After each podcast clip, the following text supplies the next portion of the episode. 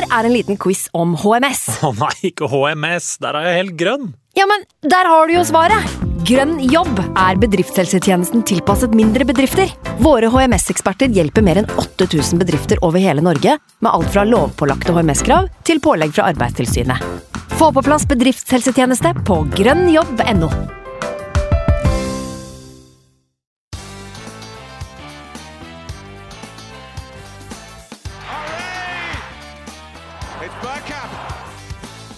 for grabs now! The next station is Arsenal.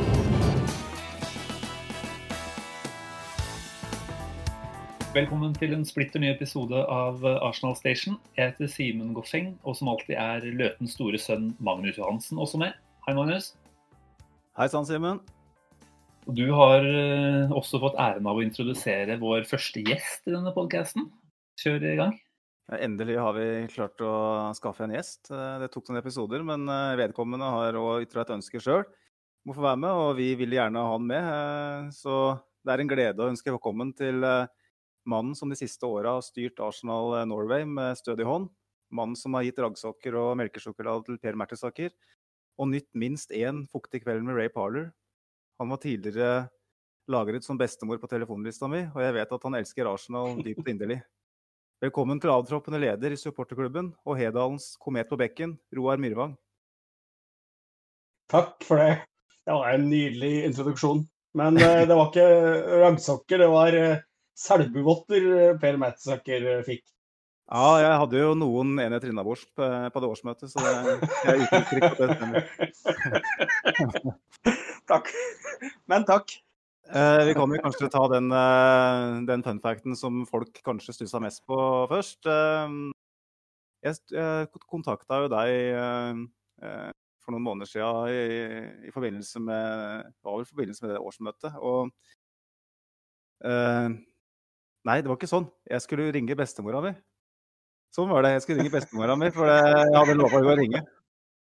Og så var det veldig mørk stemme på andre enden, og jeg, jeg ble veldig stressa, så jeg sa nei, beklager, jeg ringte ringt feil, sorry. Jeg burde jo egentlig ha spurt, eh, jeg burde egentlig ha spurt hvorfor har du så mørk eh, stemme, bestemor? Litt sånn eh, opplegg. Men det var jo deg, Roar. Fant jeg ut senere. Du var jo laga som bestemor. Fantastisk bra. Jeg vet ikke om jeg vil vite hvorfor, men jeg husker ikke. Nei, jeg aner ikke. Jeg aner ikke. Må ha vært eh, i starten, Magnus, når jeg var ute på pub og så fotball, kanskje. Ja, for det Jeg har ingen minner om det her, og eh, Nei. Men eh, sånn var det nå en gang, og jeg har etter hvert eh, klart å spore opp nummeret til bestemora mi, så jeg har fått ringt hun. Eh, Veldig godt. og beklager til deg, ikke minst. Um, nå har jo du vært, eh, nå har jo du vært leder i Arsenal Norge en periode. Hvor mange år var det snakk om, egentlig? Fire år satt jeg som leder. Ja, og nå har du nettopp uh, gitt stafettpinnen videre. Det har jeg. Det var en måneds, ja, tre uker siden vi hadde årsmøte. Riktig. Er det, er det deilig, eller Mm. syns du det er litt uh, vemodig? Nei, det- jeg syns det er greit, jeg. Så jeg har jo holdt på en del år uh, i styret. Så da tenker jeg til slutt at da, da er det greit å gå ut og la andre drive, drive videre. Så, så det er litt godt, det, altså. For det er klart det er litt eh, mye Det er litt jobb og det er litt styr. Så, eh, men det er jo veldig hyggelig. Så for all del. Hvor mye tid vil du anslå at du bruker, eller har brukt i løpet av en uke eller en måned på, på oppgavene dine som leder? Veldig opp og ned. Eh, I perioder så er det lite. Eh, og andre perioder opp mot arrangementer eller mot eh, årsmøter og sånne ting, så, så er det jo fort uh, 15 timer i uka. Men, uh, men det er uh, overkommelig, altså. Så, sånn sett så går det veldig opp og ned i jobben som leder, da. Spesielt så er det jo andre som har den der daglige kontakten med medlemmene og sånne ting, da. Så, Mm. så det er mer i perioder for min del, altså. Ja, ikke sant? Hvordan har det vært, uh, syns du, så, å være leder? Eh, sånn eh, em, Hvis du ser helt generelt, har det vært en, eh, en, en oppgave som har eh, gitt deg gitt deg mest glede, eh, sånn sett? Ja da, absolutt. Absolutt. Og hyggelig å møte jo mye folk og mange medlemmer og mange kjenner deg igjen. Eller eh, du du får på en måte bra kontakt med folk, da. Og det er veldig hyggelig, altså. Så det er jo en fin gjeng, den Arsenal-supporterbasen i Norge. Mm. Så, så det har vært veldig morsomt, det. altså. Og mye artige opplevelser. Og... Så definitivt. Det ville ikke vært det foruten. Hvordan har, hvordan har utviklinga til supporterklubben vært de siste åra? Både tanke med medlemstall og måten dere jobber på? Jeg tror ikke det er så store endringer. Altså, medlemstallet går veldig opp og ned. Eh, gått mye ned i år, men eh, det kan være mye koronarelatert. Altså, det er ikke mulig å søke på billetter og sånne ting. Eh, vi har jo pleid å ha et oppsving med medlemmer før ny sesong. Sånn i slutten av juli eller juli og august. Men det er litt annerledes, for du har jo en del som søker etter billetter og sånne ting. Og, så vi har jo ligget sånn noenlunde stabilt, men vi har sett en liten down nå. Så, så er det mange som er har vært medlemmer i veldig mange år som ikke har fornya. Så det er et eller annet der. Så det er jo en jobb for å prøve å finne ut hvorfor vi gikk over til fra å sende ut giro med TGP, som vi gjorde i alle år, til digital fornying. Så du får en mail og kan bare fornye med en gang med VIPS, som jo er dit vi skal. Altså som jo selvfølgelig du skal være i 2020. Eh, Men eh, henger nok igjen en del med gamle mailadresser og folk som har vært dårlige til å registrere mailadressa si og sånne ting. Så mista en del der. Så, men det er eh, Det veit jeg styret er i gang med. Vi har vi jo prøvd å jobbe med hele tida. Få tilbake. Mm. Og det er eh, nye styret godt i gang med. Så jeg tipper vi lykkes der, altså. Men så var det jo litt med den under perioden Vi, vi henger jo òg sammen med hvordan Arsenal presterer på banen. da. Så i den derre dårligere perioder så er, er det mindre trøkk på medlemsinnmeldinger òg. Vi merker jo det. Det er jo både korona, det er Emery og det er en del ting som påvirker, og ikke sånt eh, som du snakker om da med prestasjonen på banen. Men det har jo vært veldig mye endringer i klubben, og ting ser jo ting, Pila peker for så vidt i, rett retning på mange vis nå, men fortsatt kaotisk i, i Arsenal. Hvordan har det vært å ha dialog med, med klubben i løpet av de åra? For de fire åra du har vært leder, så er det kanskje de mest kaotiske åra eh, noen supporterklubbledere har hatt i Arsenal Norge? Ja, men vi har, har egentlig ikke merka så mye til det, altså. Vi har én kontakt eh, i eh, Arsenal som har alle supporterklubber og sånne ting. Så, eh, så, så jeg har egentlig ikke merka et stort kaos på, på den fronten, altså. De er flinke til å ta vare på, på supporterklubben, så, Det er bra. så det har jeg ikke merka hos. Ja da. Det er fint å høre, Roar. For det, mm, eh, det har jo rulla noen hoder i, i klubben og sånn. og han- Man vet jo aldri helt hvem det er. Vi har jo fått eh, noe info om at det er eh, store deler av speiderapparatet osv. Men eh, det har jo vært sterke reaksjoner på, på den nedskjæringa som har vært i, i klubben. Men det er det kanskje nestemann uh, som leder som eventuelt vil merke. Men det er bra å høre dem ta vare på supporterklubba. Det vil jeg for så vidt tro at de fortsetter med. Men Ja da, jeg forsto det, forsto det nå. At han fikk eh, fortsette, han. Så, så vidt jeg veit. Så eh, det hadde jo vært fryktelig dumt av dem å sparke linken til supporterklubba. Det er jo mye penger. Mye omsetning. ja, ja. Dere har jo hatt noen storfisker på kroken og i Hoven og på middagsbordet på å i forbindelse med de årsmøtene og sånn. Jeg var jo med, selv med forrige gang i, på Emirates når, når dere hadde Mertesaker. Det var en kjempe, Ja. eh, kjempekveld på alle måter. Der var det mange Veldig. folk. og ekstremt god stemning, med unntak av hodepine for min del. Så var det etter litt, eh, litt tidlig flyvning fra Gardermoen, så var det Ja, det var en sånn kveld som eh, kommer til å sitte i. Og, men spørsmålet mitt er jo egentlig sånn Er det den kontakten dere har i antar jeg, i Arsenal som fikser de eh, som fikser Mertesaker, og som har fiksa Ray Parler f.eks. tidligere? da? Ja, eh, Mertesaker er det det. For da gikk jeg egentlig litt på han og eh, sa at nå er vi 40 år. Nå uh, syns vi dere skal uh, skal by på en gjest, f.eks. Mertesaker, eller noen som kan komme og gratulere oss, og som, som kan vise på en måte at dere tar vare på supporterklubben. Ettersom vi er 40 år, ikke sant, så, så, så syns jeg det. Så mm. gikk det en stund, og så spurte han om budsjett som jeg aldri rakk å svare på. Og så kom han tilbake og sa at ja, Mertesaker takka ja. Uh, så jeg hadde jo møtt Mertesaker bare noen måneder i forveien på oh, ja. Det er jo sånne To ganger i året så er det møter med supporterklubba før en kamp på Emirates. Og da jeg var der da, så var Mertesaker sånn... som overraskelsesgjest, da. Eh, som fortalte litt om akademiet og sånne ting. Så det var eh, veldig morsomt. Så det var da jeg tenkte Metzaker hadde jo Han er jo typen til å stille opp på sånne ting. Eh, han er en gjennomsyra fin fyr.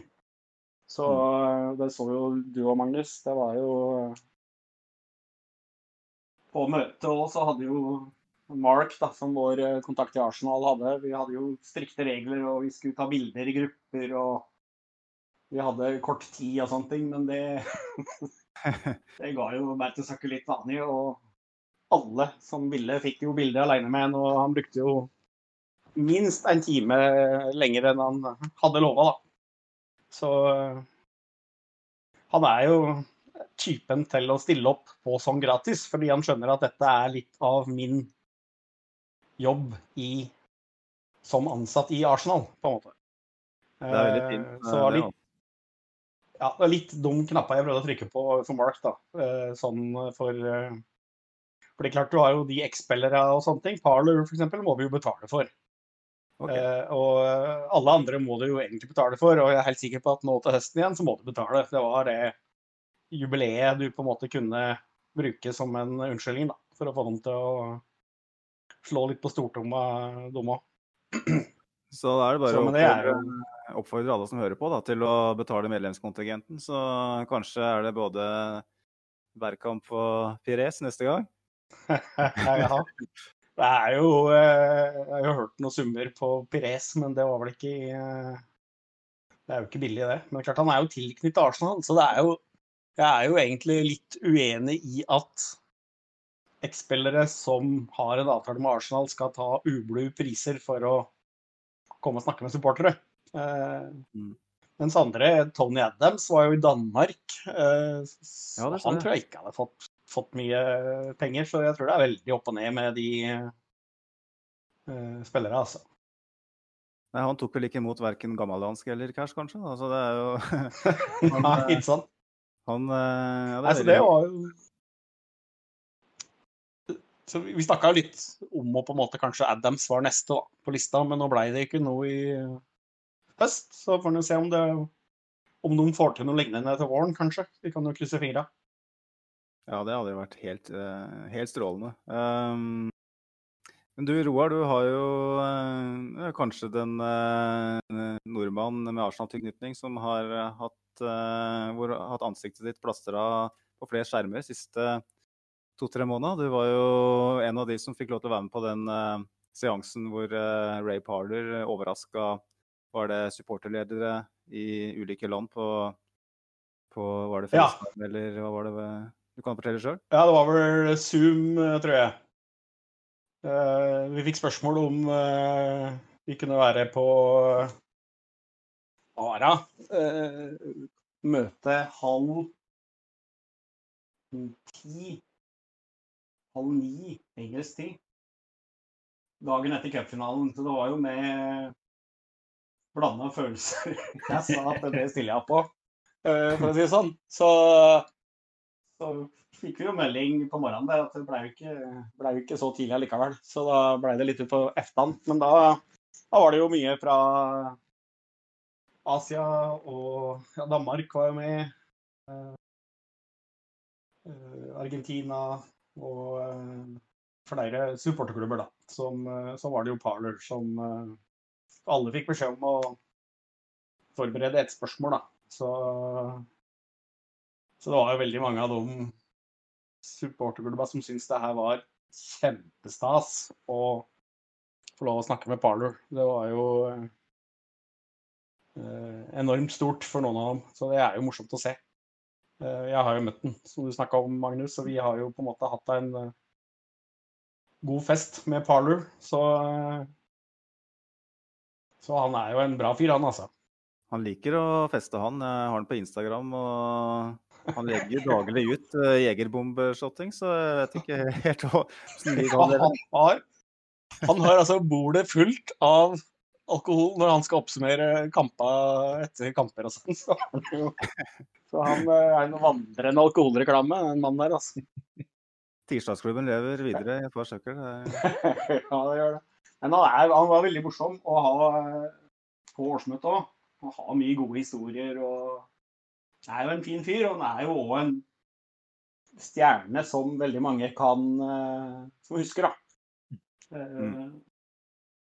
Og det er jo litt viktig, det. Vi har jo hatt eh, Vi hadde jo Charlie George var jo et år, som jo er en stor, eh, enorm Arsenal-legende, ingen tvil om det. Men så er det veldig mange av våre medlemmer da, som ikke husker han på banen. Mens Parlour er det jo veldig mange som er eh,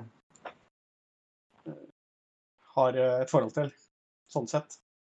Ja, det De som er eh, født på um, innen tidlig 90, har vel flest, har et forhold til Ray Parler. Og, Har jo det. Veldig undervurdert eh, spiller. Men eh, vi kan eh, snakke mer om det senere. Jeg tenker vi får eh, kanskje gå litt videre og snakke om noe mer eh, dagsaktuelt. Eh, Simen, vi, vi spilte jo en, eh, en fotballkamp i går, og Arteta har vel på åtte måneder nå vunnet like mange trofeer som Tottenham har gjort på 28 år. Eh, eh, Ja, han har fått en eh, meget fin start på, på karrieren sin nå, da. Det vel, jeg sa det vel eh, til flere i forkant av kampen at den, den kampen der er jeg veldig delt om. Altså, taper vi, så er jo ikke det mer verdt enn en treningskamp.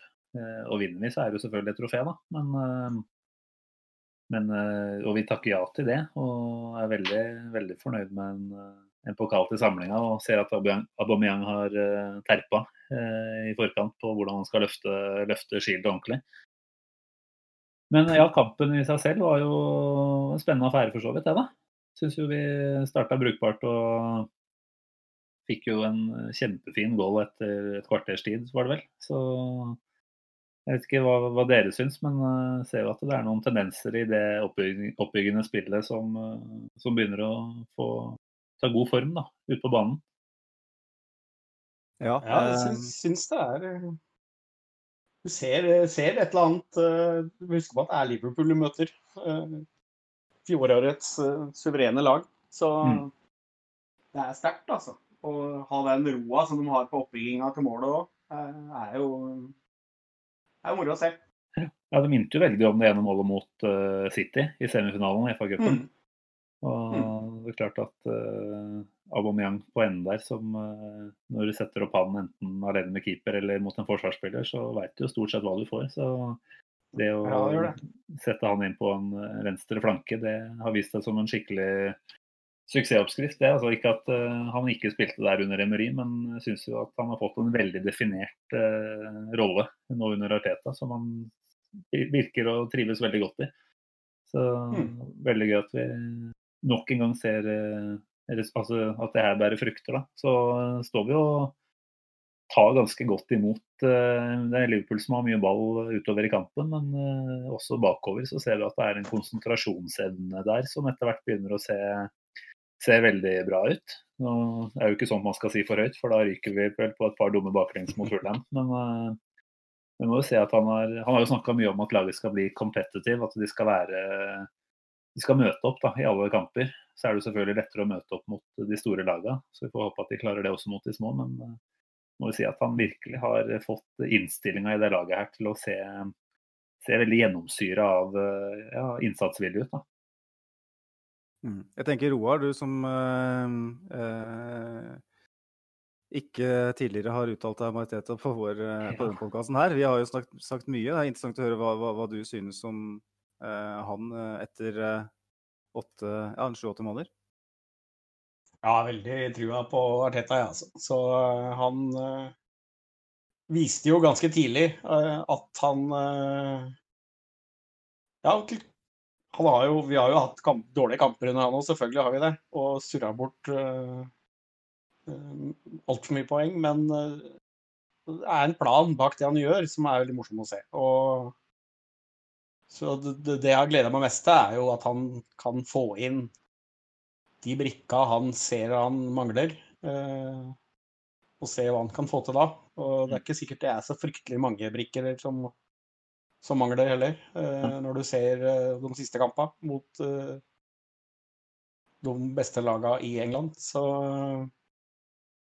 Nei, jeg har veldig trua på han, og han er tar ikke noe dritt fra noen. Og det tror jeg er veldig viktig. Ja. Ja, hva tenker du om, vi snakker om, Sorry at jeg avbryter, men vi snakker om at han ikke, ikke tar dritt fra noen. Hva tenker vi om hans skal vi si, ikke rolle nødvendigvis, men han har jo hatt en posisjon i Arsenal nå i noen måneder, som jeg regner med har vært med å påvirke det som skjedde med Raoul Sanehi her for noen uker tilbake. Eh, tenker du at mm. hans tydelige, altså Artetas tydelige stemme har vært med å definere litt hvordan Arsenal-strukturen eh, blir seende ut? Ja, Det er vanskelig å si, men jeg tror jo han har en tydelig stemme. Og jeg tror han krever å få det litt som han vil.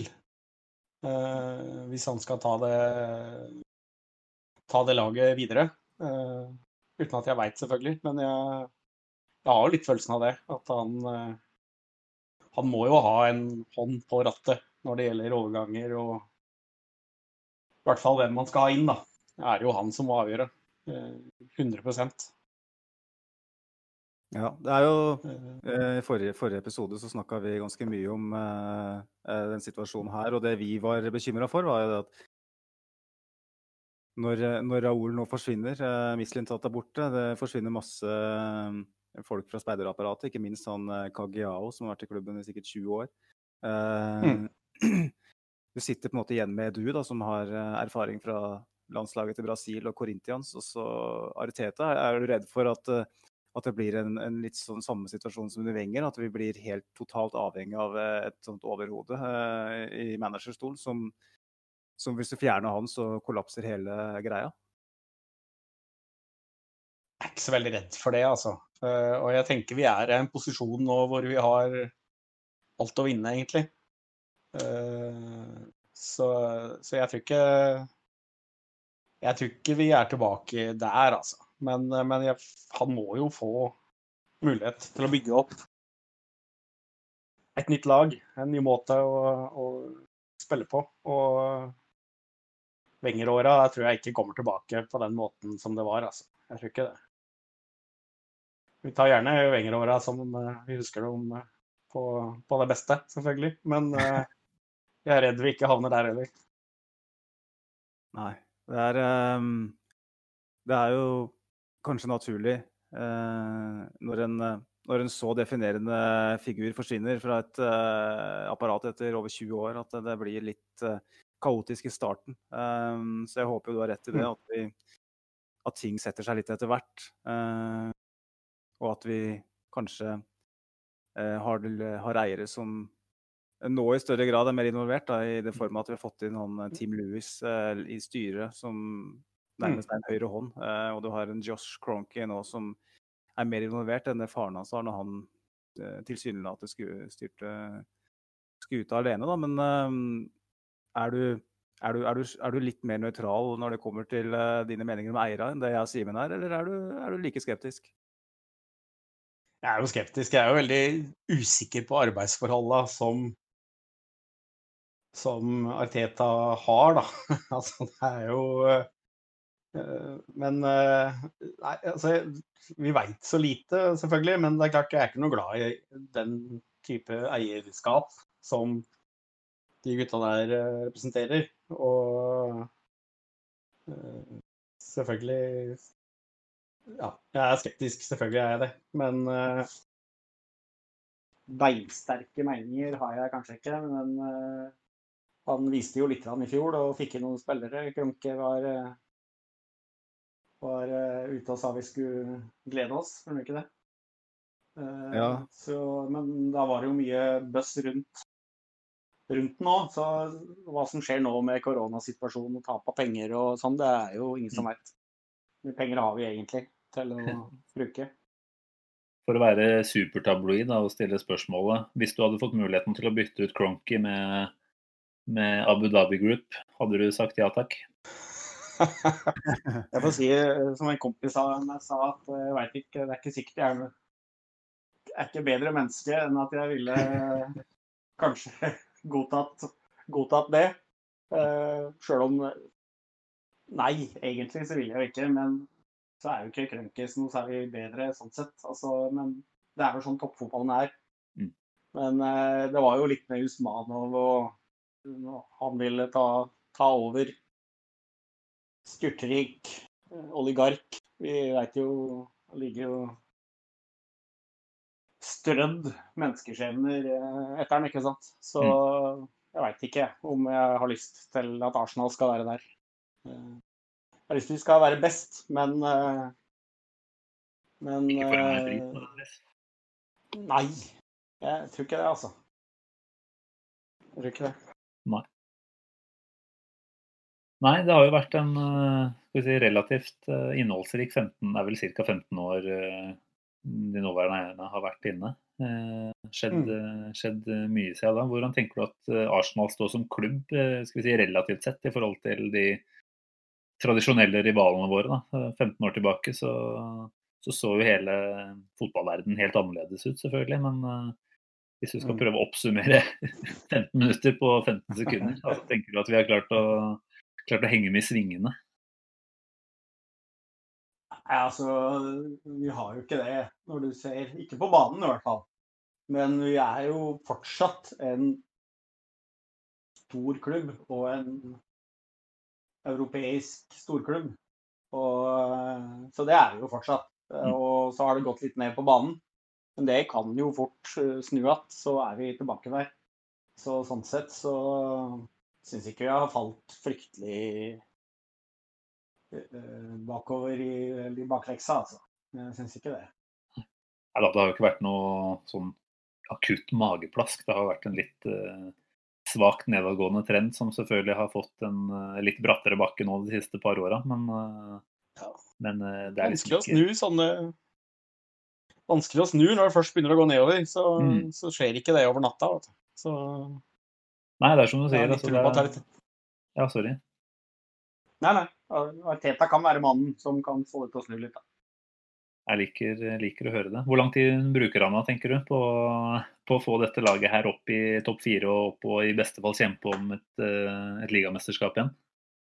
Nei, altså det der er jo Jeg har jo alltid sagt at uh, Arsenal skal jo alltid gå inn i en sesong med mål om å kjempe om ligamesterskapet.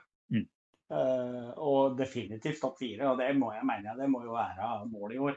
Å, komme seg i topp fire. Klarer vi det, så tror jeg skal jeg kjempefornøyd. Men eh, jeg tror det er definitivt mulig. Du ser jo det i sesonger at uh, klarer du å få et lite strekk med gode resultater, så, så holder det gjerne det. Altså. For det, alle lag surrer. I år er det jo Liverpool som har vært suverene. og Alle lag bak har jo hatt mm, perioder hvor de spiller dårlig. Så det er om å gjøre å få den dårlige perioden kortest mulig, rett og slett. Så er det fullt mulig med topp fire, det er jeg helt sikker på. Ja, nei, det er jo litt det der med nivået på konkurrentene. Jeg føler jo akkurat eh, den sesongen vi er ferdig med nå, eh, var jo en Skulle man tro var en gyllen mulighet når du ser hva, hvilke lag som klarer topp fire, og hvordan de egentlig har prestert. Så så er det jo liksom alltid bekymringen hva, hva skjer med, med, med konkurrenter. Du har jo Liverpool kommer til å være kjempesterke. City sannsynligvis kanskje med Messi eh, inn kommer til å være der oppe. Eh, Det var latterlig, vet. Eh, Chelsea handler jo som fulle sjømenn, som de alltid gjør når det er muligheten byr seg. Og United eh, eh, ja, Du kan jo si mye om United, men de hadde jo noe på gang eh, en sesong som gikk, og det er snakk om Jaden Sancho osv. Så, videre, så vi er jo kanskje litt avhengig av at, eh, at, eh, at en av de klubba kanskje roter litt. Da, og det, det, det vil jeg tro sjøl. Sånn er det nesten alltid. Det er ikke sånn at uh, alle storklubba alltid gjør som forventa. Men uh, jeg føler jo at det, det, blir jo ikke noe lettere. Nei da, det gjør ikke det. Uh, absolutt ikke. Men det er jo aldri en garanti for med innkjøp og en påfølgende sesong som går bra, ikke sant. Så det er jo Nei. alltid noen lag som kommer til å møte veggen. Det er jo sjelden Vi har vel hatt noen sesonger hvor eh, topp fire har på en måte tatt sats og bare holdt på hele sesongen, men eh, det er jo sjelden. Så jeg tror det absolutt er mulig, men det er klart da, vi trenger et par gode kjøp, kanskje. eh, Og flyt, rett og slett. Litt flyt mot de dårlige lagene spesielt. Så eh, slutte med tøysemål eh, imot og ta noen stygge trepoengere, rett og slett. Ja, det syns jeg vi jo eh, er i ferd med å, å, å lære oss eh, litt. Ikke, ikke at det nødvendigvis er stygt i våre øyne, men for de som sitter og ser på at vi vinner mot uh, City, vinner mot Liverpool, uh, har selvfølgelig mindre ball og er litt mer kyniske, da, det vi har etterlyst egentlig i ja, godt og vel ti-tolv år. og Absolutt. Ja, ja, absolutt. det er jo jeg, jeg føler jo at det er i hvert fall Hvis vi skal si noe om Arteta så langt, så er det nettopp det. da, At han klarer i hvert fall også å stabilisere laget og, og få dem til å bli vanskelig å slå. Men så er da spørsmålet Mm. hvordan er han, eh, hva slags evner har han når det gjelder å få laget til å dominere kamper. Da. Og han har jo ikke hatt eh, verktøya til å kunne gjøre det heller, spesielt med tanke på at en viss uh, tysker ikke er uh, funnet verdig nok til å være en del av, uh, av eh, stallen, egentlig. Så det er jo det som skjer på overgangsmarkedet nå som er interessant da, i, i så måte. Vi, vi, midtbanen vår ser veldig sped ut, uh, veldig tynn ut. Uh, og klubben bruker omtrent uh, votter og vinter og Selby-votter holdt på å si, og raggsokker på å bekrefte, bekrefte dealer. Da. Kan du si noe om hva du tenker? Hvorfor tror du Arsenal bruker så sinnssykt lang tid på å få deala over målstreka? Nei, du, det skulle jeg veldig gjerne hatt et godt svar på, altså. Men uh, det er frustrerende når du leser at de er klare. Alt er klart, og alle er enige, og det skjer ingenting. Og det virker jo litt som Arsenal, uh, de som styrer Arsenal.com på Twitter, uh, erter fansen og tenker nå kjenner jeg et eller annet. Liksom, fem Aubameyang-poster på rad, og så skjer det faen meg ingenting. Da. Så det er ikke godt å vite. Jeg, jeg er veldig usikker uh, hva som er bakgrunnen for det her. Altså. Men uh, det tar lengre tid enn det burde gjort. Jævla viktig det du sier der med den der teasinga. For altså, han har eh, På fredagen for to uker siden så eh, kjørte de et bilde av Aubameyang med den nye bortedrakta foran eh, bysten av Herbert Chapman i, i Marble Halls med tre fingre i været, og så skrev de 'That Friday Feeling'. det er jo helt åpenbart at admin sitter der og kødder. Og Ja, ja, ja.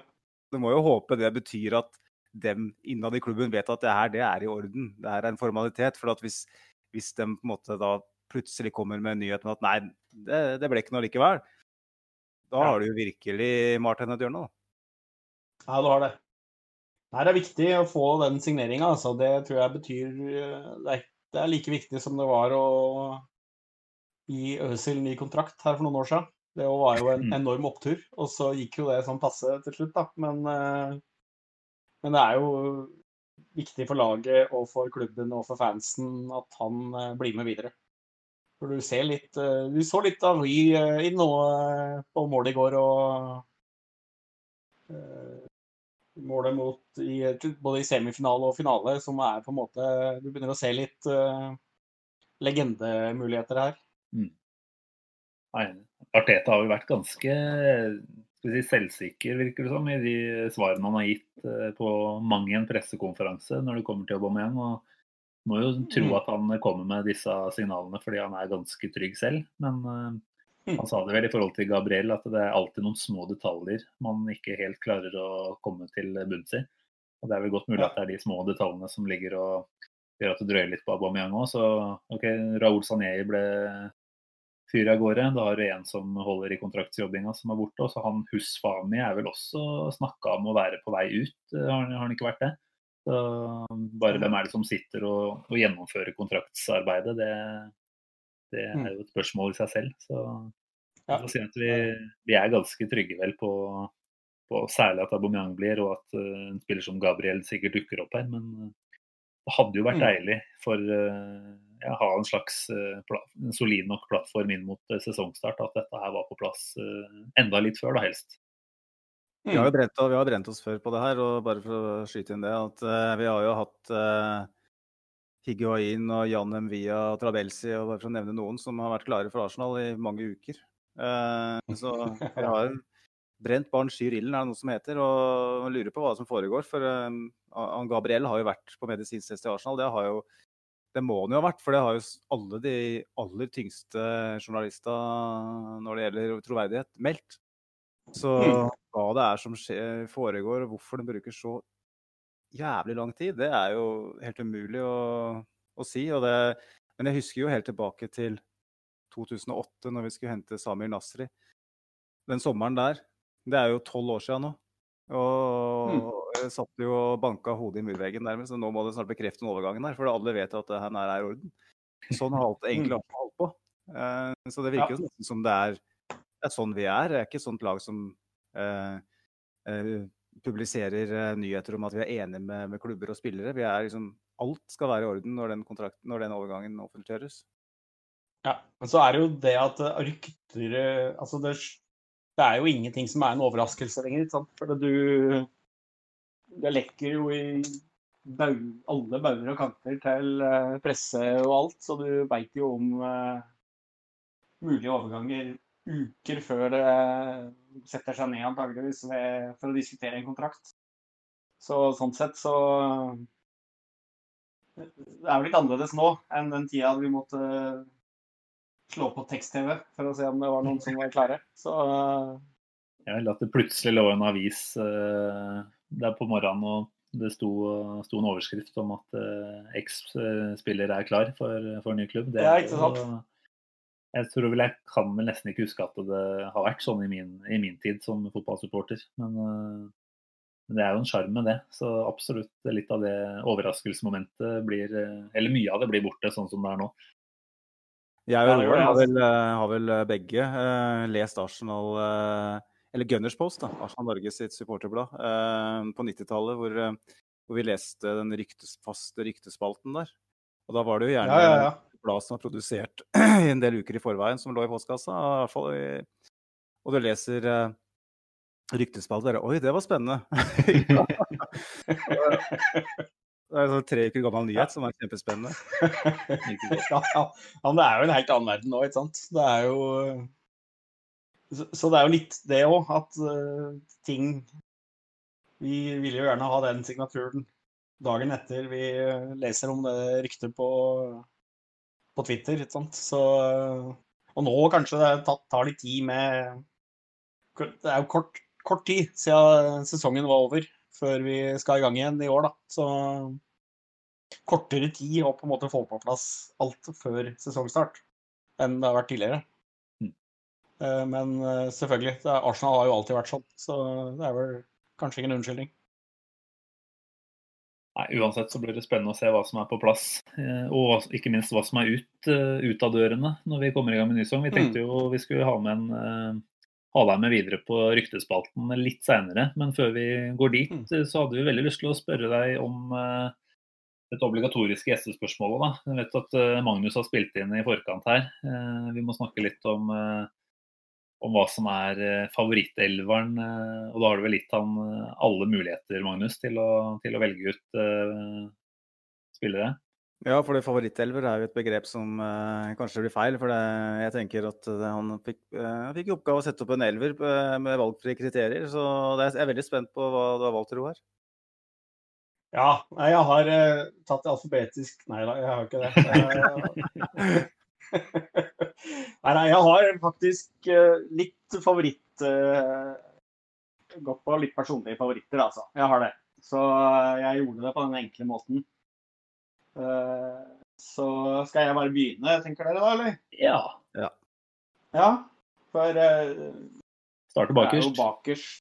Hvis du starter bakerst, og der er det jo mange mulig. Altså Seaman selvfølgelig er jo en bauta. Og Chechny var jo kanskje kanskje en av de beste keeperne vi har hatt eh, innom dørene. Eh, men eh, jeg havna rett og slett på han frustrerende, gærne tyskeren jeg i mål, altså. Mannen som alle elsker å hate, altså Lehmann. Fantastisk fyr. fikk Ja, han ha, ja, altså Han var så jævlig grusom å se på iblant. Den derre ekstra touchen man alltid måtte ha før han skulle Når han fikk et tilbakespill. Han måtte han på en måte dempe den og bruke litt tid før han fikk den ut. Det var jo noe hjertestopp eh, hver eneste kamp. Men eh, det er et eller annet med den auraen hans som gjør at du eh, elsker han når han er på ditt lag. altså. Og så redda han, selvfølgelig- redda han selvfølgelig en eh, semifinalestraffe som tok oss til eh, vår første Champions League-finale. Så det er Ja. en liten sånn kirsebær på toppen som hjelper. Definitivt. Ja, høyrebekken. Eh, Høyrebekken jeg, jeg, Det blei ikke Jeg tenkte en firer bak hvor jeg vurderer Jeg, jeg nesten hadde satt Eboe inn på høyrebekken. Eh, men han røyk ut, og det samme gjorde Dixon og Loren. For jeg fant ut at jeg må ha må rett og slett gjøre som Arteta spille med tre bak. Altså. Eh, det er, vi har for mange offensive spillere som ikke kan uh, overses. Så uh, jeg har Campbell jeg, på høyresida i uh, midtforsvaret. Mm. Keown var vurderte jeg også, selvfølgelig. Men Campbell får plassen der, og selvfølgelig i midten så er det jo Adams. Det er ikke mulig å velge noen andre. Ja, det er obligatorisk. Det der. ja, det, det er ikke mulig. Og så har jeg fått plass til en vi har i dag. Jeg, han danka ut både Winterburn og Cole. Tierney, rett og slett. Jeg har tro på han, altså. Det er eh, herlig men eh, deilig allikevel. Ja, det er veldig eh, tidlig å la han få plass på min Arsenal 11. Men eh, jeg har tro på at han eh, om ti år er like sjølskreven som Adams. Så, så jeg har veldig sansen for han, altså. Han har vært et ynda objekt i, i den poden her fram til nå. Vi har vel nesten klart å ture innom han i hver episode på et eller annet vis. Om det er Tesco-poser eller uh, knallgode opptredener på venstresida. Men eh, han, han slår meg som en eh, veldig bra fyr å ha i, i garderoben per i dag, i hvert fall. Ja, han har et eller annet spesielt over seg, altså. Og han Mm. har noe vanvittig gode innlegg. Ja, det har vi jo eh, har vi ikke vært bortskjemt med eh, på noen år. Så jeg har tro på han. Godt valg. Nei, hvis vi hopper videre til eh, de offensive plassene, da.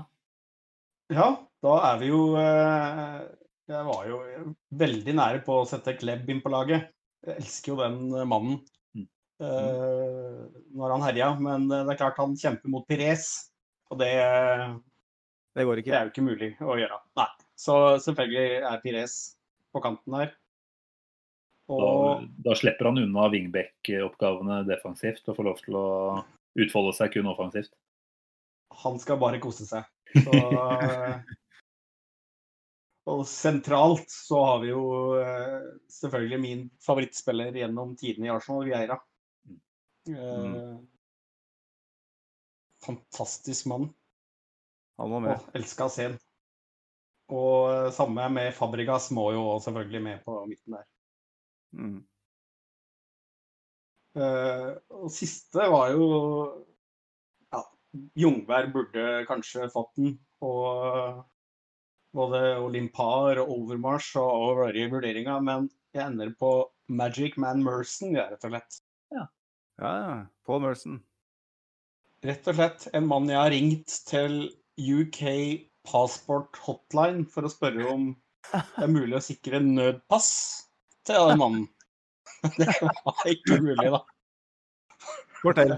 Det var, det var en ting jeg aldri trodde jeg skulle gjøre. Nei, vi skulle ha eh, type Arsenal Legends over på eh, arrangement i Norge, hvor de skulle spille kamp.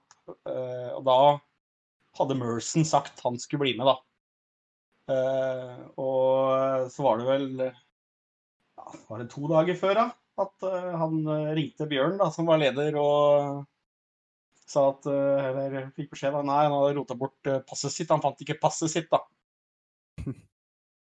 Da fant vi ut vi må, kan ikke la den dø i helt i synden. Så da fant vi ut jeg, jeg ringer UK Passport Hotline og sjekker om det er mulig å få nødpass, som vi eh, jo eh, får kasta etter oss på Gardermoen hvis vi trenger det. Men det var ikke så lett i England, da, dessverre. Så han kom jo aldri. Om det var passet som var problemet, er vel kanskje heller tvilsomt. Men eh, det var ikke nok til å få han ut av elveren min. Altså. Han var en vanvittig morsom spiller å ha på laget. Og så har vi jo selvfølgelig eh, bak spissa så eh, har vi jo kongen Dennis Bergkamp. Ja, det er kongen. Det er kongen. Ja, rett og slett.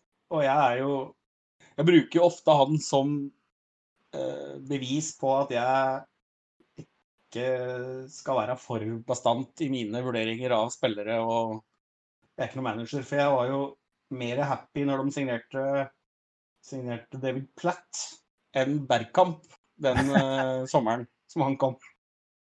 Så, så jeg har, uh, har innsett at jeg tok ganske grovt feil der, uh, rett og slett.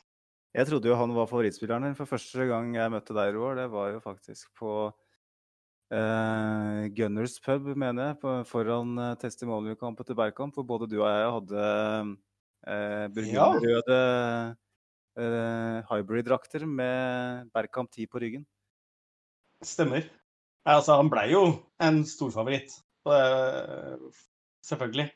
Så, så han gjorde jo eh, mine ord til skamme, eh, for å si det sånn. Eh, Men det var jo akkurat den der, jeg har prata litt flere om det, Platt var jo fantastisk god akkurat på den tida. Bergkamp sleit litt.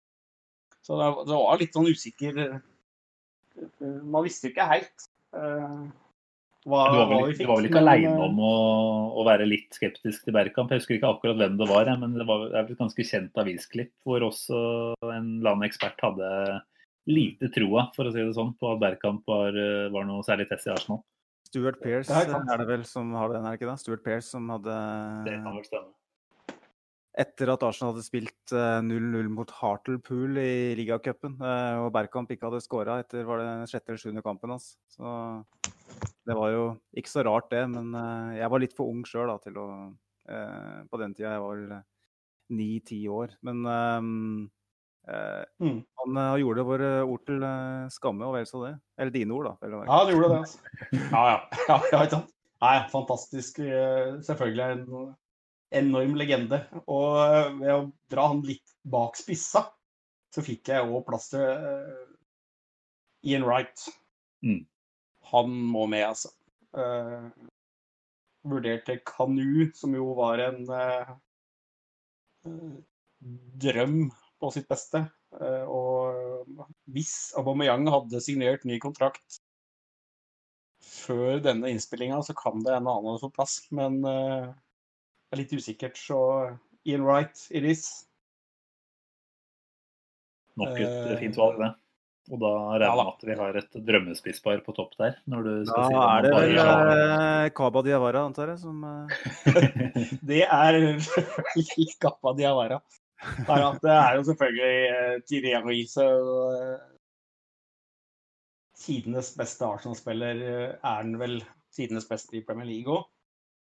Jeg kan ikke se for meg noen andre som eh, er i nærheten der. Det er jo noen er Liverpool-fans som prøver seg på Twitter og kommer med Sara og sånn, men det er jo bare tøys. Det er jo ikke, Når han ikke til knehasa engang. Nei, helt enig. Det var vel eh, første podden vår, eh, Magnus, hvor vi også var eh, relativt samstemte i at Eller du var vel for så vidt der Nei, jeg- Bergkamp jeg var Du har Bergkamp på topp. Jeg er vel helt klar i min Mm. oppfatning av at det er Henri som troner helt øverst der. Så er det jo også bare helt rør at ikke han fikk noen europeiske eller internasjonale anerkjennelser for det han holdt på med på starten av 2000-tallet. For det var jo det var jo idrett fra en annen planet, rett og slett.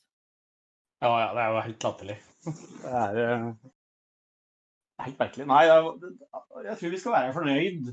Veldig happy med å ha opplevd den der perioden, Wenger-perioden med det laget. Med Bergkamp, med Henri, med Jungberg, med Pires. Den tida tror jeg ikke kommer tilbake. altså. Jeg får frysninger jeg, når du ramser opp nå. Ja, ja, men det er, jeg tror vi skal på en måte huske på at fy fankeren, altså. Jeg var eh, Opplevde Arsenal i den beste perioden ever. Mm. Eh, jeg tror jeg vi skal være happy for. For det, et lag som dominerer såpass, det kommer jo ikke igjen heller, sånn som fotballen er i dag. ikke sant? Det, jeg tror ikke det er så lett. Selv om Liverpool dominerte i fjor, så er det ikke på samme måten. Nei, det er nok en uh, svunnen tid, det. Altså, vi, som du sier, vi som opplevde det, vi må bare suge hardt på den smørbukken. For den, uh, den må ligge på, under tunga resten av livet. Og um, heldigvis så har vi en, uh, en rekord som stadig vekk blir minna på hver sesong. Inntil, inntil siste laget taper sin første kamp i løpet av sesongen. Liverpool holdt det gående nå til var det februar eller mars, før de tapte Mm. mot Watford. Og det var jo høydepunkt i sesongen for FA Cup, før vant FA Cup-finalen. ja, det var det. Ja, den, den, vi hadde jo den uh, pokalen som du fikk, var jo på besøk i Oslo. Uh, under uh, et av de arrangementene vi hadde eh, med Arsenal Legends. Og da kom eh, hun som da var vår eh, kontakt i Arsenal over fra London med den. Fikk jeg lov å låne safen på Grand Hotel til å låse den inn, da. Oi, oi, oi. Vi glemte den igjen på en eller annen pub i fylla. Så, så det var kjempegøy, altså. Det var, eh, Ja, det så kult. den har vært i Norge på fest med Arsenal Norway. Har du tatt på den, Roar? Jeg husker ikke. Det tar jeg litt sjølkritikk. eh, jeg. Eh, Det husker, husker jeg faktisk ikke. Om vi, men jeg vil anta vi fikk lov å ta bilde med den. Men eh, om vi fikk lov å holde den, det husker jeg faktisk ikke. Altså. Det var jo før pandemiens tider, så det, da var det kanskje lov å holde sammen. Ja. Da ville jeg nesten ha tu- tungekyssa han hvis jeg hadde fått mulighet. Nei da, så det var jo morsomt. Ja, det er kult. Jeg syns elveren din eh, lukter krutt, i hvert fall. Det, jeg tror det er et mannskap Arteta skulle kunne klart å jobbe med. Jeg tror det, altså. Det skulle vært mulig å jekke ned noen skausere med det laget der.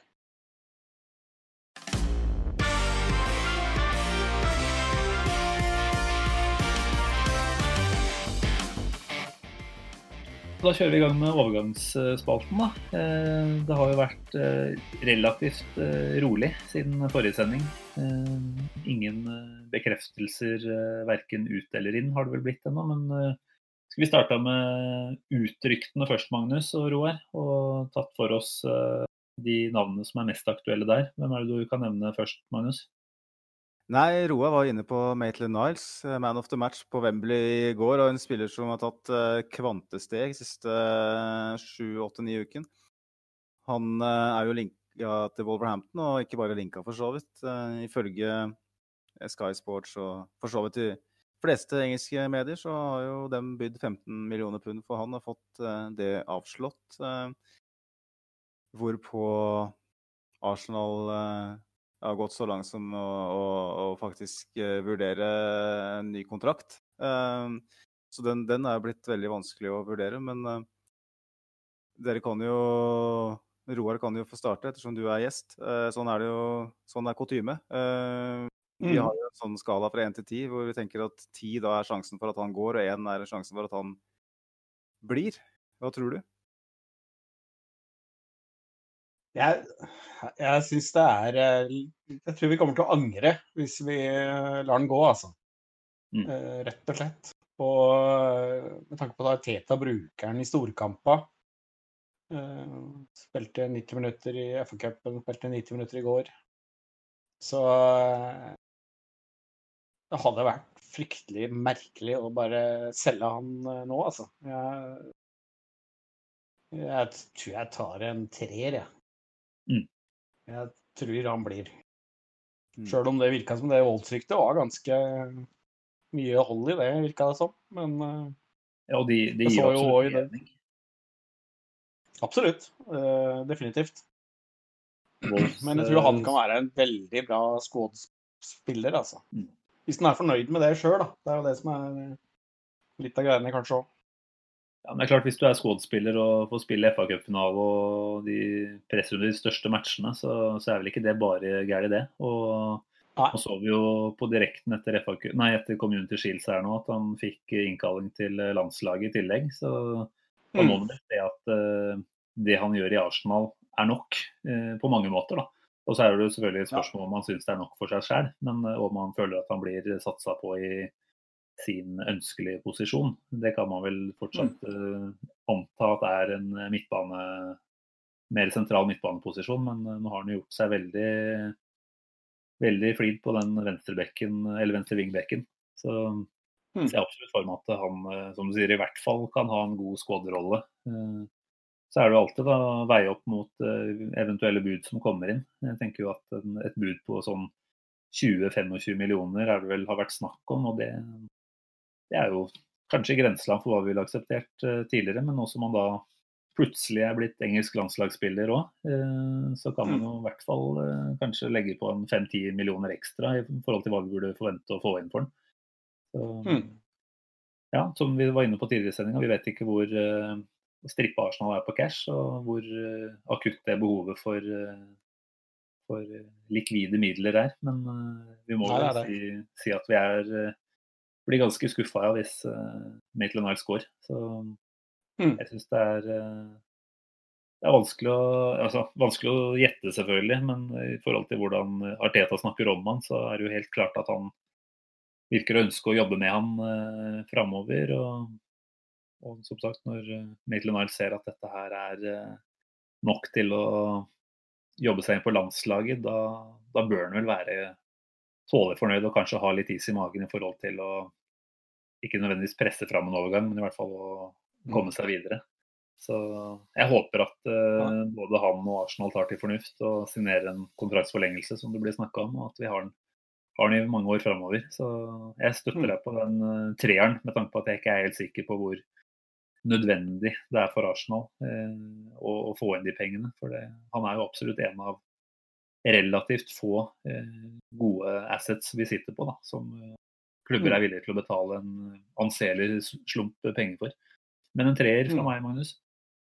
Ja. Det er jo min rolle da å være mer pessimistisk. Uh, ehm, Maitland uh, Nils, som en sånn arabisk kommentator kalte den. Jeg hørte det på en gang i tida.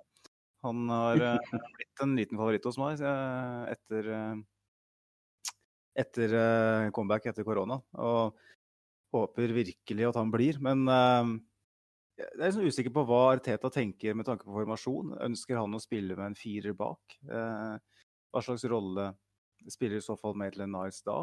Eh, med tanke på at vi både har Beyerin og Cedric. Eh, et kjøp som jeg aldri, eller en signering jeg aldri kommer til å skjønne, tror jeg.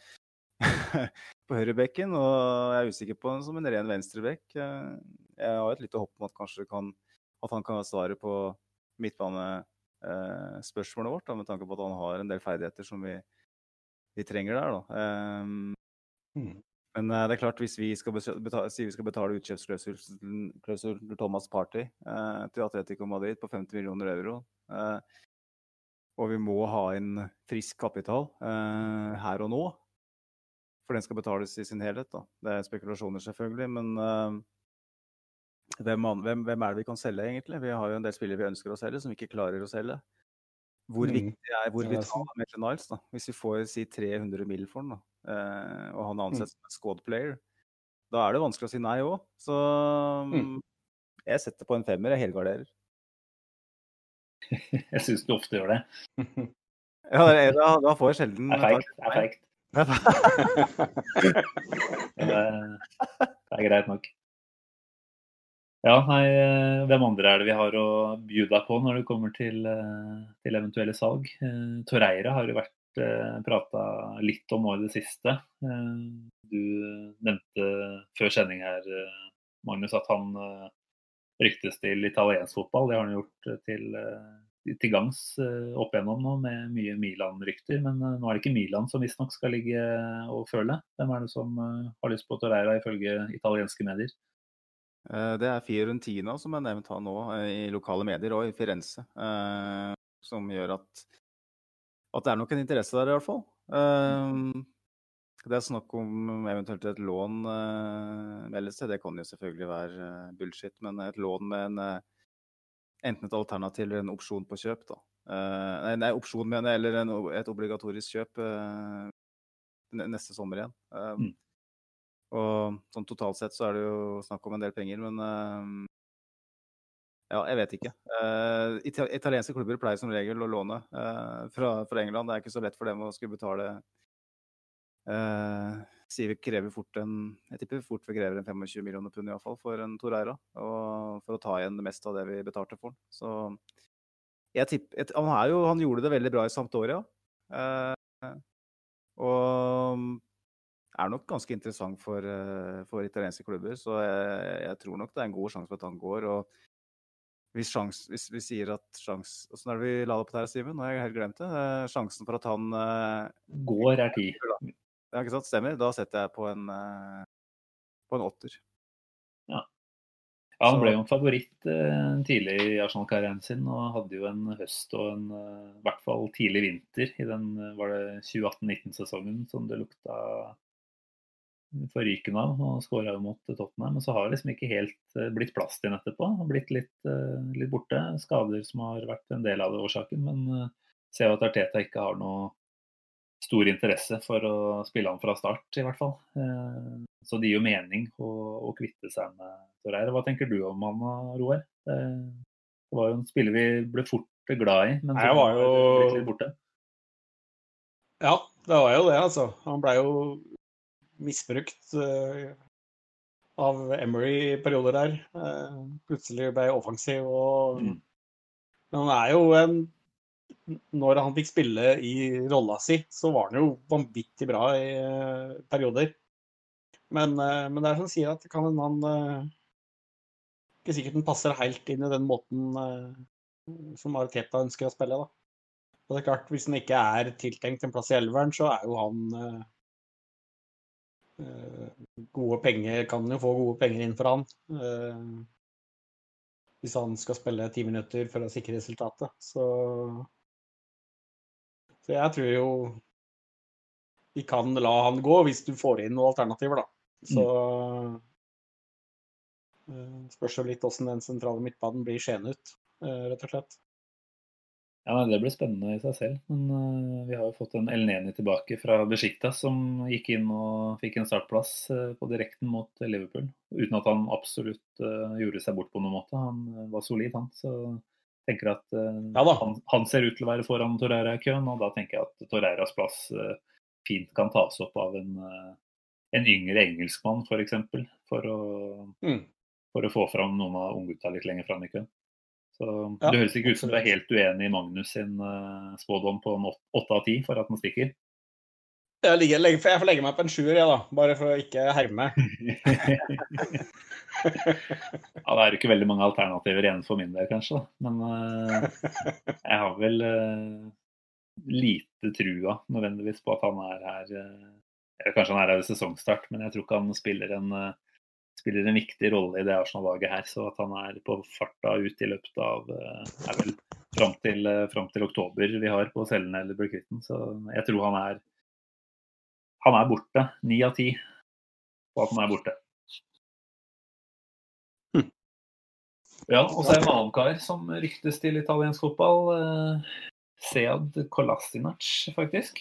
Eh, vår eh, trofaste backup på venstrebekken. Har vel aldri klart å gjort den helt til sin egen. Men eh, må nå sies det at Roma skal være klare for å ta over bosnieren vår. Han er vel eh, også en Sitter med relativt eh, solid lønningspose på over en million i uka. og var en spiller vi henta gratis fra Schalke, så det er jo ypperlig anledning for å hente inn noen ekstra kroner som, vi, som kan gå rett inn i kassa. Eh, Syns du den er fin å, fin å legge til på utgående, eller Roar? Ja, jeg tenker altså Han er jo en eh, Han er jo en type du blir veldig glad i. Eh, men han har jo sine begrensninger òg, definitivt. Og jeg har vel ikke helt trua på at han er i framtidsplanen til Teta, så, så eh, jeg vil jo anta at han kan være på vei ut, hvis, hvis eh, det er noe hold i ryktene, da. Mm. Så uten at jeg kjenner ryktene i hele tatt, så får jeg gå for en sjuer, da. For jeg veit ikke hvor, eh, Nei, jeg satt deg, satt deg kanskje litt vanskelig posisjon der. Eh, så kan du få Magnus til å utdype litt da, på hva, hvor dette kommer fra? Nei, det er jo, det er jo medier både i Italia, da. Eh, Gazzetta som er veldig sånn Det melder jo alt mulig rart. Men eh, det har vært noen lokale medier i Bosnia også som meldte. Eh, og det ja. betyr jo at det Mhm. gjerne er noe i det, da. Han har jo vært veldig linka til Schalke og tilbake til Sjalke. Men uh, Mm. for meg så Ja. Uh, hvis jeg skal sette karakter her først, så um, tenker jeg jo at hvis han har vært like god til å forsvare målet som han var til å forsvare Øsil på gata der, eh, så hadde det vært veldig greit. Men han er, han er på en måte den atypiske eksempelet på, på en spiller som ikke passer inn i, i måten Jeg ser for meg at Teta ønsker å spille på sikt. da, En mer ballbesittende fotball. Han har jo gjerne en pasningsprosent på 70-tallet eh, en plass. og Ja. ikke sant? Han, er, han, han passer rett og slett ikke inn. Han er en eh, han passer godt, Jeg tipper han passer godt inn i, i klubber eh, noe lenger ned i anseelse. Men det er ikke så lett å bli kvitt en spiller som har over en million i uka. Eh, I hvert fall ikke permanent. da. Eh, Et lån kan jeg godt se for meg. Eh, Hvis vi bare sier at sjansen for at han ikke spiller Arsenal kommende sesong, så tipper jeg den er ganske stor. Eh, Mm. Da tipper jeg vi ligger på en sekser iallfall. Så jeg setter, setter meg der.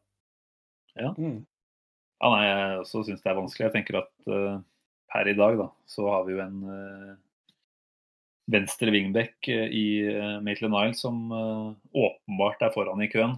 Eh, og vi har et lass med midtstoppere til å spille i en treer, så heller ikke der ville jo Kolasinac vært eh, langt framme i køen. Så det gir jo absolutt mening å få, få sendt den ut eh, om, vi, om vi har muligheten til det. Så støtter meg på Roars eh, sjuer, jeg, og holder, holder meg der. Neste rykte, Magnus. Tar du gjennom det, eller? Vi har vel bare hatt utgående, er det det? Så langt? Ja. Um, det er så lite spennende inngående eh, det vi kan snakke om, så vi kan kanskje ta uh, en spiller som ehm, uh, er veldig linka til, til klubben. Da. Vi hadde jo, jeg satte opp han hos MAOR, men det er så vagt, ikke sant? så jeg syns det, blir- det blir feil å sette karakterer, for det blir jo på en måte Det har vel ikke vært noe særlig nytt siden vi var på lufta for to uker siden. Nei. Så jeg tenker han eh, Vi har snakka om, eh, om han eh, allerede, men Gabriel Maga altså, Jeg tenker på Berry Davies Eyes, den 80-tallslåt jeg hører, for det, det sies Uttalelsen er visstnok Gabriel Magalé Eyes. Um, det er sånn jeg husker det. Men han jo, har jo vært på medisinsk test for omtrent et halvt år siden. Og sitter på venterommet sammen med Higuain og co. og venter på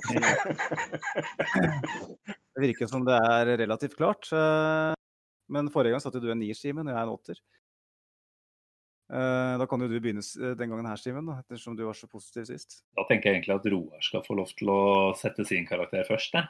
OK, ja, det er greit. Eh, Det er mulig at han syns jeg gikk litt høyt ut her for et par uker tilbake, men eh, hva, Nei, altså, jeg har jo Nei, jeg vet ikke. Nå så jeg bare i dag så at en eller annen gartnerfirma som hadde tatt bilde av uh, han og, og ønska han velkommen til London og sa at de kunne fikse hagen hans hvis den Så, så, så de har tydeligvis tatt et bilde av han da, i, uh, i London. Så han det er vel store muligheter for at han er i London. og Kan vel gå i store hager, da, kanskje, i karantena si. Jeg veit ikke hva som, åssen regler er der.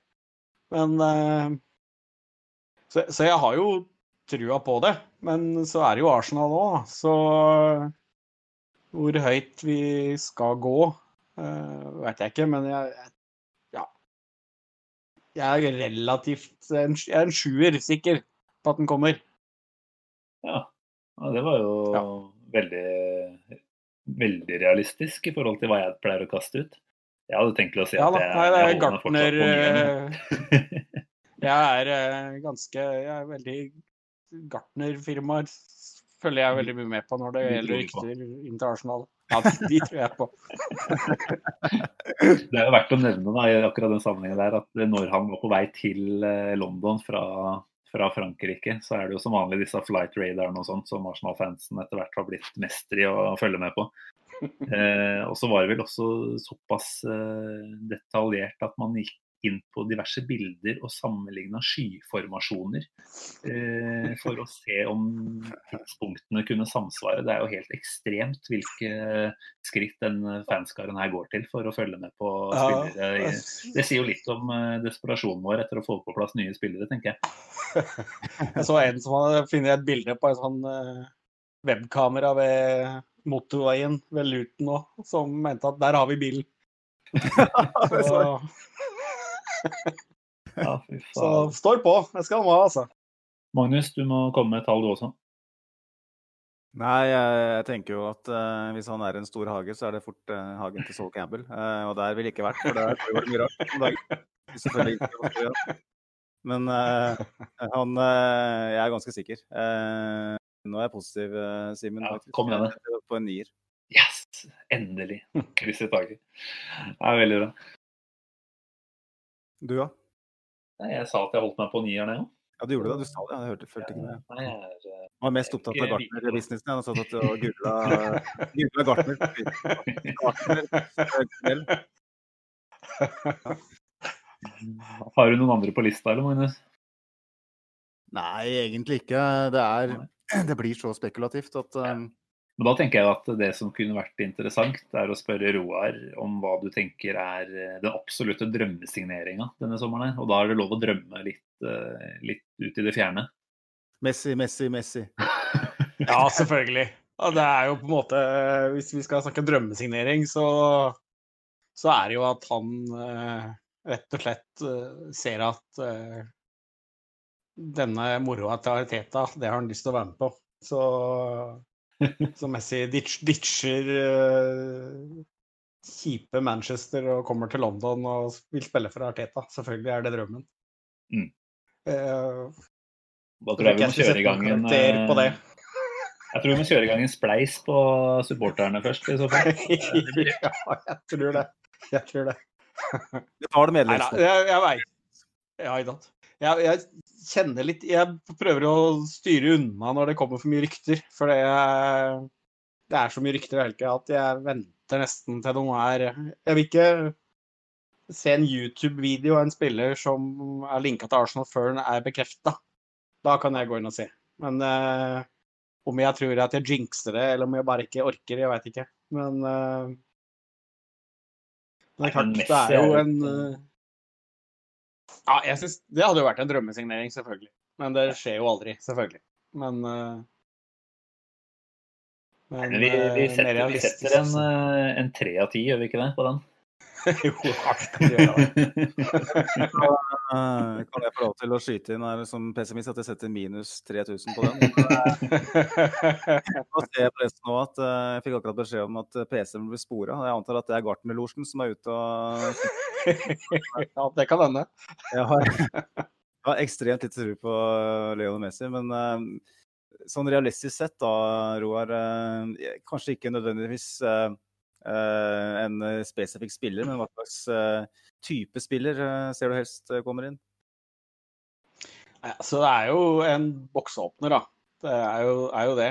Altså en midtbane, offensiv eh, Nå har vi Øzil, men altså, det jo, har jo vært rykter med Coutinho. Det, det har jeg tro på, hvis han hadde kommet. tror jeg det hadde vært uh, spilleren vi trenger. Mm. En som kan eh, bryte ned de der eh, laga som ligger med elleve mann i forsvar. eh, som kan gjøre det uventa. Og som kan spille gjennom. Du ser jo lite grann Det er jo den derre måten å spille på nå, men kontring Det begynner å gå litt fortere framover. En spiller som kan bidra til det, tror jeg hadde vært veldig bra. Kanskje vi kunne fått tilbake litt Arsenal kontringsfotball av stor klasse. Vi begynner jo å få en god venstreside der med Tierney og Aubameyang. og få inn en som, eh, som kan eh, Ja, litt sånn som Bergkamp eh, gjorde. Vi må jo sette lista der, mener jeg. Eh, Mm. som da gjerne trekker inn litt eh, sammen med de og eh, spiller dem enda bedre. Da. Og ikke minst når vi møter eh, Jeg tror jeg i hvert fall at vi møter lag som ligger dypere og forsvarer seg. For det er der vi først og fremst uh, sliter, føler jeg. Jeg så den kampen mot Aston Villa før, uh, før sommerferien der. Så er det eh, Mm. et godt eksempel da, på hvordan, hvordan vi ligger an. Så jeg tror ikke det er noe dårlig tips. Jeg er ikke nødvendigvis enig i at Coutinho er rett mann, men uh, den spillertypen uh, er jeg helt 100% enig om at eh, kanskje er det første vi bør se etter. Mm. Stoppere har vi jo, begynner vi å få en del av. Det var dere jo innom i forrige episode òg. Så hvis vi får inn Gabriel i tillegg, så har vi jo dusinet fullt snart. Ja, det er vel faktisk såpass. Nå var Det vel, det glemte vi å nevne i utspalta, men eh, Rob Holding har vel vært ganske hyppig kobla til Newcastle på lån. Så det er mulig Mm. at han eh, går dit og får, eh, får en fast rolle i sesongen som kommer. Noe han vel sannsynligvis ikke vil få i et toppe Arsenal. Så, Hvorfor spilte han i stedet for uh, Tenker dere uh, Var det for å slippe å møte Liverpool før sesongstart? Han uh, Saliba, ja. Holding fikk spille? Ja. Ja, nei, jeg, jeg tenkte jo at uh, man kanskje skal vi si, skåna Saliba litt der etter, uh, etter noen minutter mot MK Dons og, og la han slippe de, den trioen til Liverpool på topp. Men eh, det er godt mulig han Mm. hadde stått eh, fint i det. Ellers er det godt mulig at ikke det er noe i Rob Holding-ryktet, men det kom fra David Ornstein, og da pleier vi jo stort sett å, å stole på det. Han er jo til å stole på. Mm. Nei, det er at, eh, det, er ikke noe tvil om at det blir, blir noen spennende uker framover. Det er vel i hvert fall ingenting som tyder på at vi kommer til å være i mål ved sesongstart. Så jeg håper at de, de få som er igjen i Arsenal-hierarkiet på toppen her, eh, får gjort den jobben de skal. og Både sørge Mm. for at vi blir kvitt de vi må bli kvitt, og at vi får inn noen eh, forsterkninger, så Arteta har enda litt bedre verktøy å jobbe med. Han, han har fått mye Mm. ut av relativt lite så langt, men eh, jeg tror ikke det kommer til å vedvare nødvendigvis. Så han trenger, han trenger backing. Ja, han gjør det. Og, men det er jo det han må Altså, han har jo hatt en lang preseason. Det har jo vært vi Mm, mm.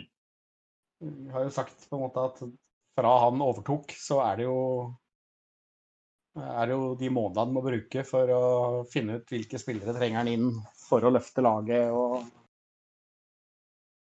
Så han har jo hatt, hatt de månedene òg. Så nå trenger jo han å få lov å fylle de høla han ser er, da. Mm. Definitivt. Yes.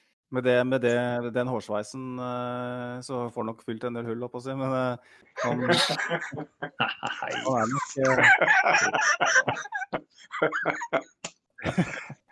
er rett mann. Han er rett mann til å fylle det, ja. ja veldig bra. Det Nei, er det er godt oppsummert, Magnus. fint sted, å, fint sted å runde av på det. Ja, kan ikke bli bedre. Jeg vet det. Ja, nei, jeg vet ikke om vi skal si at vi, vi er fornøyd med, med gjennomgangen der. jeg. Så det har jo vært helt fantastisk eh, trivelig å ha deg med, Roar. Eh, tusen takk for at du tok deg tida en eh, søndag kveld som vi sitter og spiller inn.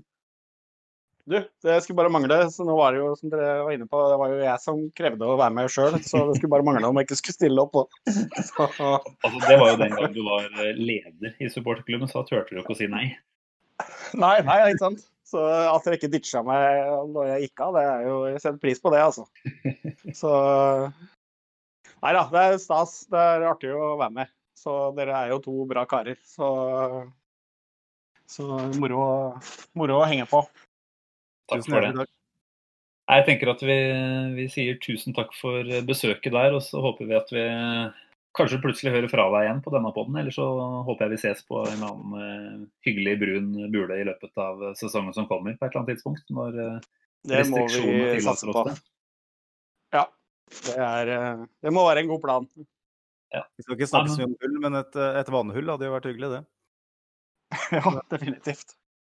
Det Så det, jeg må bare si tusen hjertelig takk. ass. Det var eh, strålende saker. Ja, nei, det var kult å ha Roar med. Vi kommer til å ha flere gjester utover, eh, utover høsten.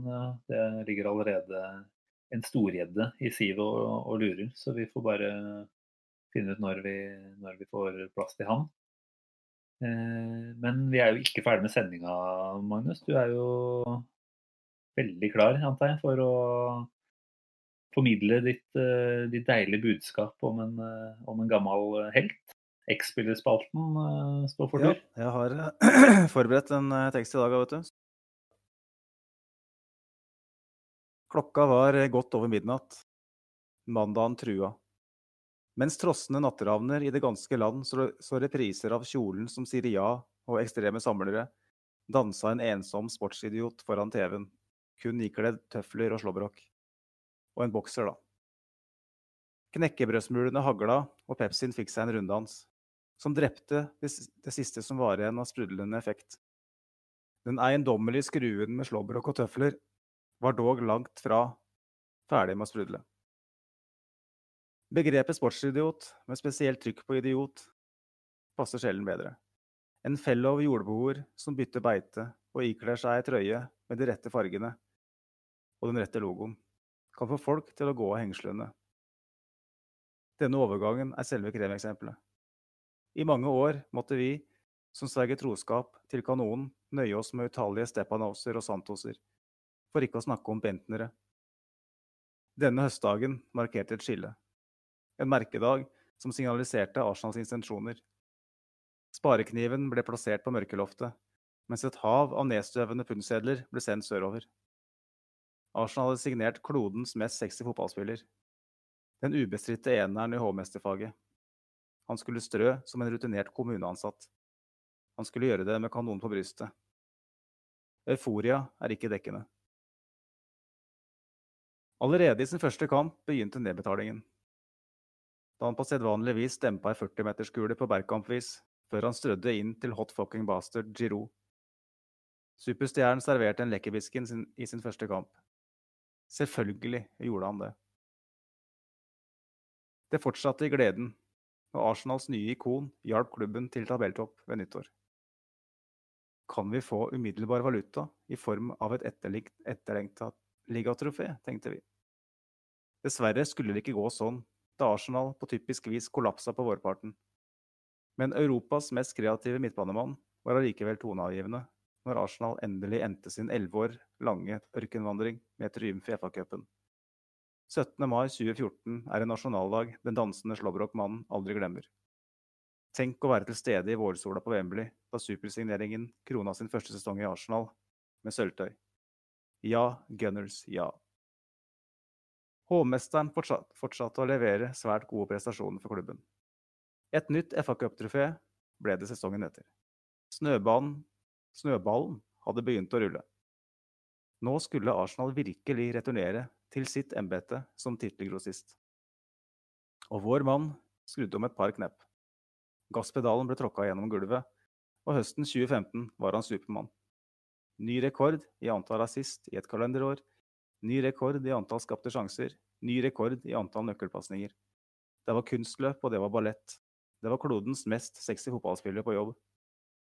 Thierry Henrys assistrekord ble nesten tangert, men vår mann endte én fattig målgivende bak kongen av Highbury.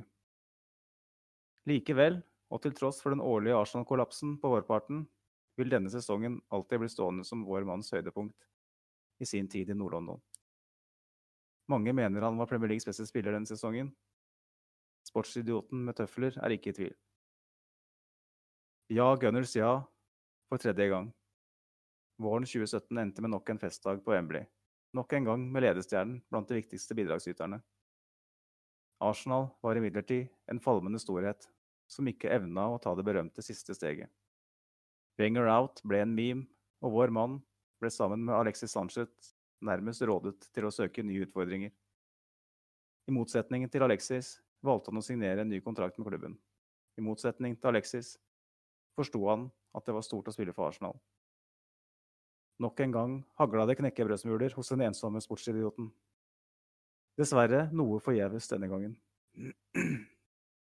Etterpåklokskap er en presis vitenskap, og pennestrøkene som skulle redde Arsenal fra en status som middelhavsvarer, skulle i stedet bidra til å befeste klubbens uønskede tilværelse i skyggen av eliten. Arsen Wengers exit noen måneder senere skulle vise seg å bety slutten på vår manns herjinger, i alle fall på banen. Una Emerys fotball, forkledd som seigpining, var helt krise for Arsenals nye nummer ti. Det skulle bare mangle. Emery og midtbaneeleganten hadde omtrent like mye sjanse for å harmonere sammen som tyggis og syltetøy. Piffen gikk helt ut av det som var planetens beste servitør. Noen lovord fikk han under Artetas hvetebrødsdager, men han var også da kun en skygge av sitt gamle kunstneriske jeg. Risikoen i spillet var borte. Spruten var borte. Trygt på tvers og bakover. Det er ikke sånn vi kjenner den. Det er ikke sånn vi vil se den. At pandemiens utbrudd skulle signalisere slutten på eventyret, hadde ingen sett for seg. Men kanskje var det like greit. La oss heller huske ham for det han var. En unik fotballspiller med et unikt blikk for spillet. En ballkunstner av det helt sjeldne, og gjennom et tiår kanskje verdens mest kreative fotballspiller. Endog kanskje ikke bare for Arsenal, men sånn er det. Knekkebrødsmulene er for lengst støvsuget, og slåbroken har måttet vike. Men sportsidioten er dypt, dypt takknemlig for å ha kunnet bivåne selveste assistkongen i den rødhvite drakta i såpass mange sesonger. Jeg elsker deg, Mesut Özil. Ha det bra. Oi. Avslutte med et lite ha det bra der, til og med. Der fikk du endelig, endelig sendt deg gårde kjærlighetserklæringa di. Ja, han er jo på mange måter ferdig, det er vi vel kanskje enige om. Men, men at vi kommer til å se han på et eller annet vis de neste tolv månedene, det, det tror jeg. Tror ikke du? Nei. Nei. Jeg tror ikke det. Jeg jeg er ferdig. Med Øzil i Arsenal eh, Kanskje er det her famous last words, men eh, Og jeg er sikkert en av de som kommer til å sitte klar med store øyne foran TV-en hvis han får sjansen igjen, men eh, når han ikke engang er involvert nå, ikke involvert i FA Cup-finalen på noe vis, mm. på ferie i Tyrkia, liksom. Det, jeg tipper klubben betaler lønna hans ut i stedet for å beholde den, hvis det er det det står på. Eh, og, det er synd. eh, veldig synd. Men eh, kanskje rett. Det er et eller annet som har skjedd der, og det kan vi ta en annen gang. Men jeg følte et behov for å si farvel på et verdig vis. For jeg vil ikke at han skal bli Jeg ønsker iallfall ikke at han skal bli huska for bare det negative. For det, Ja, nei, det er veldig, positivt veldig ryddig å ta med helheten i den karrieren han har hatt i Arsenal. For det, det har vært utrolig mange høydepunkter. For, for en følelse vi satt med den dagen vi signerte han. Det var jo ja, det var nyttårsaften og julaften og bursdag 17. mai på en gang. Det var en helt eh, ja, en virkelig merkedag. Og det var jo absolutt eh, sånn at han presterte det vi forventa og det vi håpa på. Og vi kom jo ikke unna at han hadde jo ikke verdens beste lag rundt seg eh, på noe tidspunkt i Arsenal. Så at han var med å, å dra det laget her i, i relativt lang tid, det, det gjorde han. Mm, Så tenker jeg du er innom et godt poeng når du snakker om at Emery kom inn og ja, rett og slett eh, blåste ut den gnisten som, eh, som i hvert fall var tent en periode. Det er mulig at det var eh, spikeren i kista på mange måter. Mm. Er, Jeg vet ikke, men eh, det kan godt eh, Det var en bidragsyter, tror jeg, og kanskje, kanskje var det lost case uansett, eh, men eh, det er i hvert fall trist at en så begavet fotballspiller eh, i en alder som tross alt ikke er så høy heller, eh, plutselig bare er helt eh, Mm. umulig å få til å fungere. Ja, nei, vi, det er som du sier, vi har snakka om Utzil tidligere, og kan vel godt hende at vi snakker litt mer om han eh, på et senere tidspunkt òg, men akkurat, eh, akkurat i dag så syns jeg vi skal si oss fornøyd med din eh, hyllest, som jeg vil kalle det. Du var nesten i nærheten av å sprekke litt i stemmen et par ganger, eller om du bare var litt tørr i halsen, det vet jeg ikke. Det er i hvert fall, Jeg var litt tørr i eh, halsen, faktisk. Men eh, det kunne vært Jeg har nok tjukke rødsilbriller enn de aller fleste. Men jeg er jo kommet dit at jeg ønsker å Mm. ønsker at han går nå. Ja da, jeg tror vel det er mange, mange som kunne sagt seg fornøyd med en sånn løsning, men han per i dag eh, har ikke signalisert noe som tyder på at det er aktuelt, i hvert fall. Så time will show. Ja, men Nydelig, Magnus. Vi får nesten runda der, for nok en gang så har dette gått langt over beregna tid. Vi kommer til å kjøre i gang en eh, sesong-preview eh, før Fulham-kampen om eh, litt under to uker. Så tar vi en gjennomgang da med eh, ja, med sikte på alt som forhåpentligvis har skjedd på overgangsmarkedet innen den tid, og så hva vi, hva vi forventer av kommende sesong. Gleder meg til det. Da blir det mye dybdeprat, regner jeg med. Det, kan vi nok eh, love. Vi satser på å sette oss litt inn i ting og tang før den tid. Så det er bare å, bare å være lutter øre, Mm. som det heter.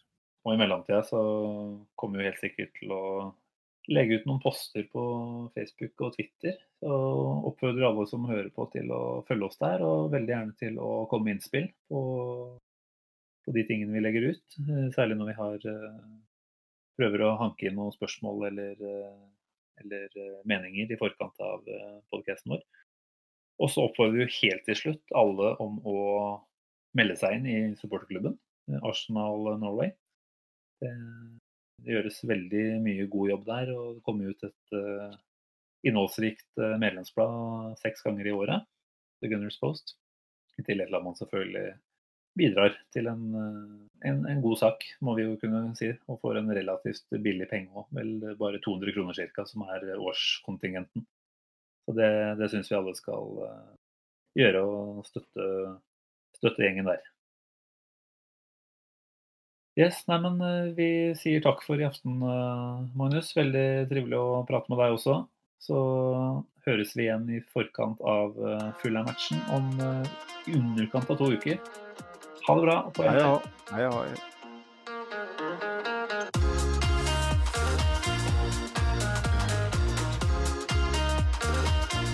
This train terminates here.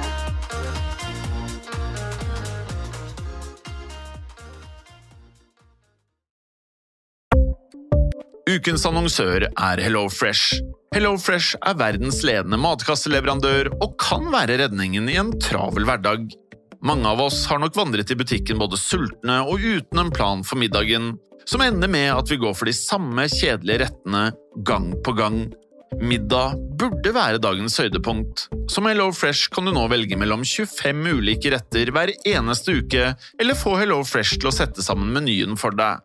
Dette gir deg muligheten til å prøve nye og spennende retter alene eller sammen med familien. Du velger antall porsjoner og får alt levert på døren på et tidspunkt som passer for deg. Oppskriftene er enkle, og maten er lett å lage både for store og for små. Ved å få alt levert hjem får du også mer tid til å dele matgleden med familie og venner. Kanskje det frister med asiatiske tacos eller greskinspirert kylling? Da kan jeg anbefale deg om å gå inn på hellofresh.no. Her kan du bruke koden FOTBALL og få opptil 1779 kroner i rabatt på de første fem matkastene hvis du ikke har prøvd HelloFresh tidligere. Du kan også bruke rabatten hvis du har vært kunde og stoppet abonnementet ditt for tolv måneder siden eller lengre. Gå inn på hellofresh.no og bruk koden FOTBALL. Har du et enkeltpersonforetak eller en liten bedrift? Da er du sikkert lei av å høre meg snakke om hvor enkelt det er med kvitteringer og bilag i fiken, så vi eh, gir oss her, vi. Fordi vi liker enkelt. Fiken superenkelt regnskap.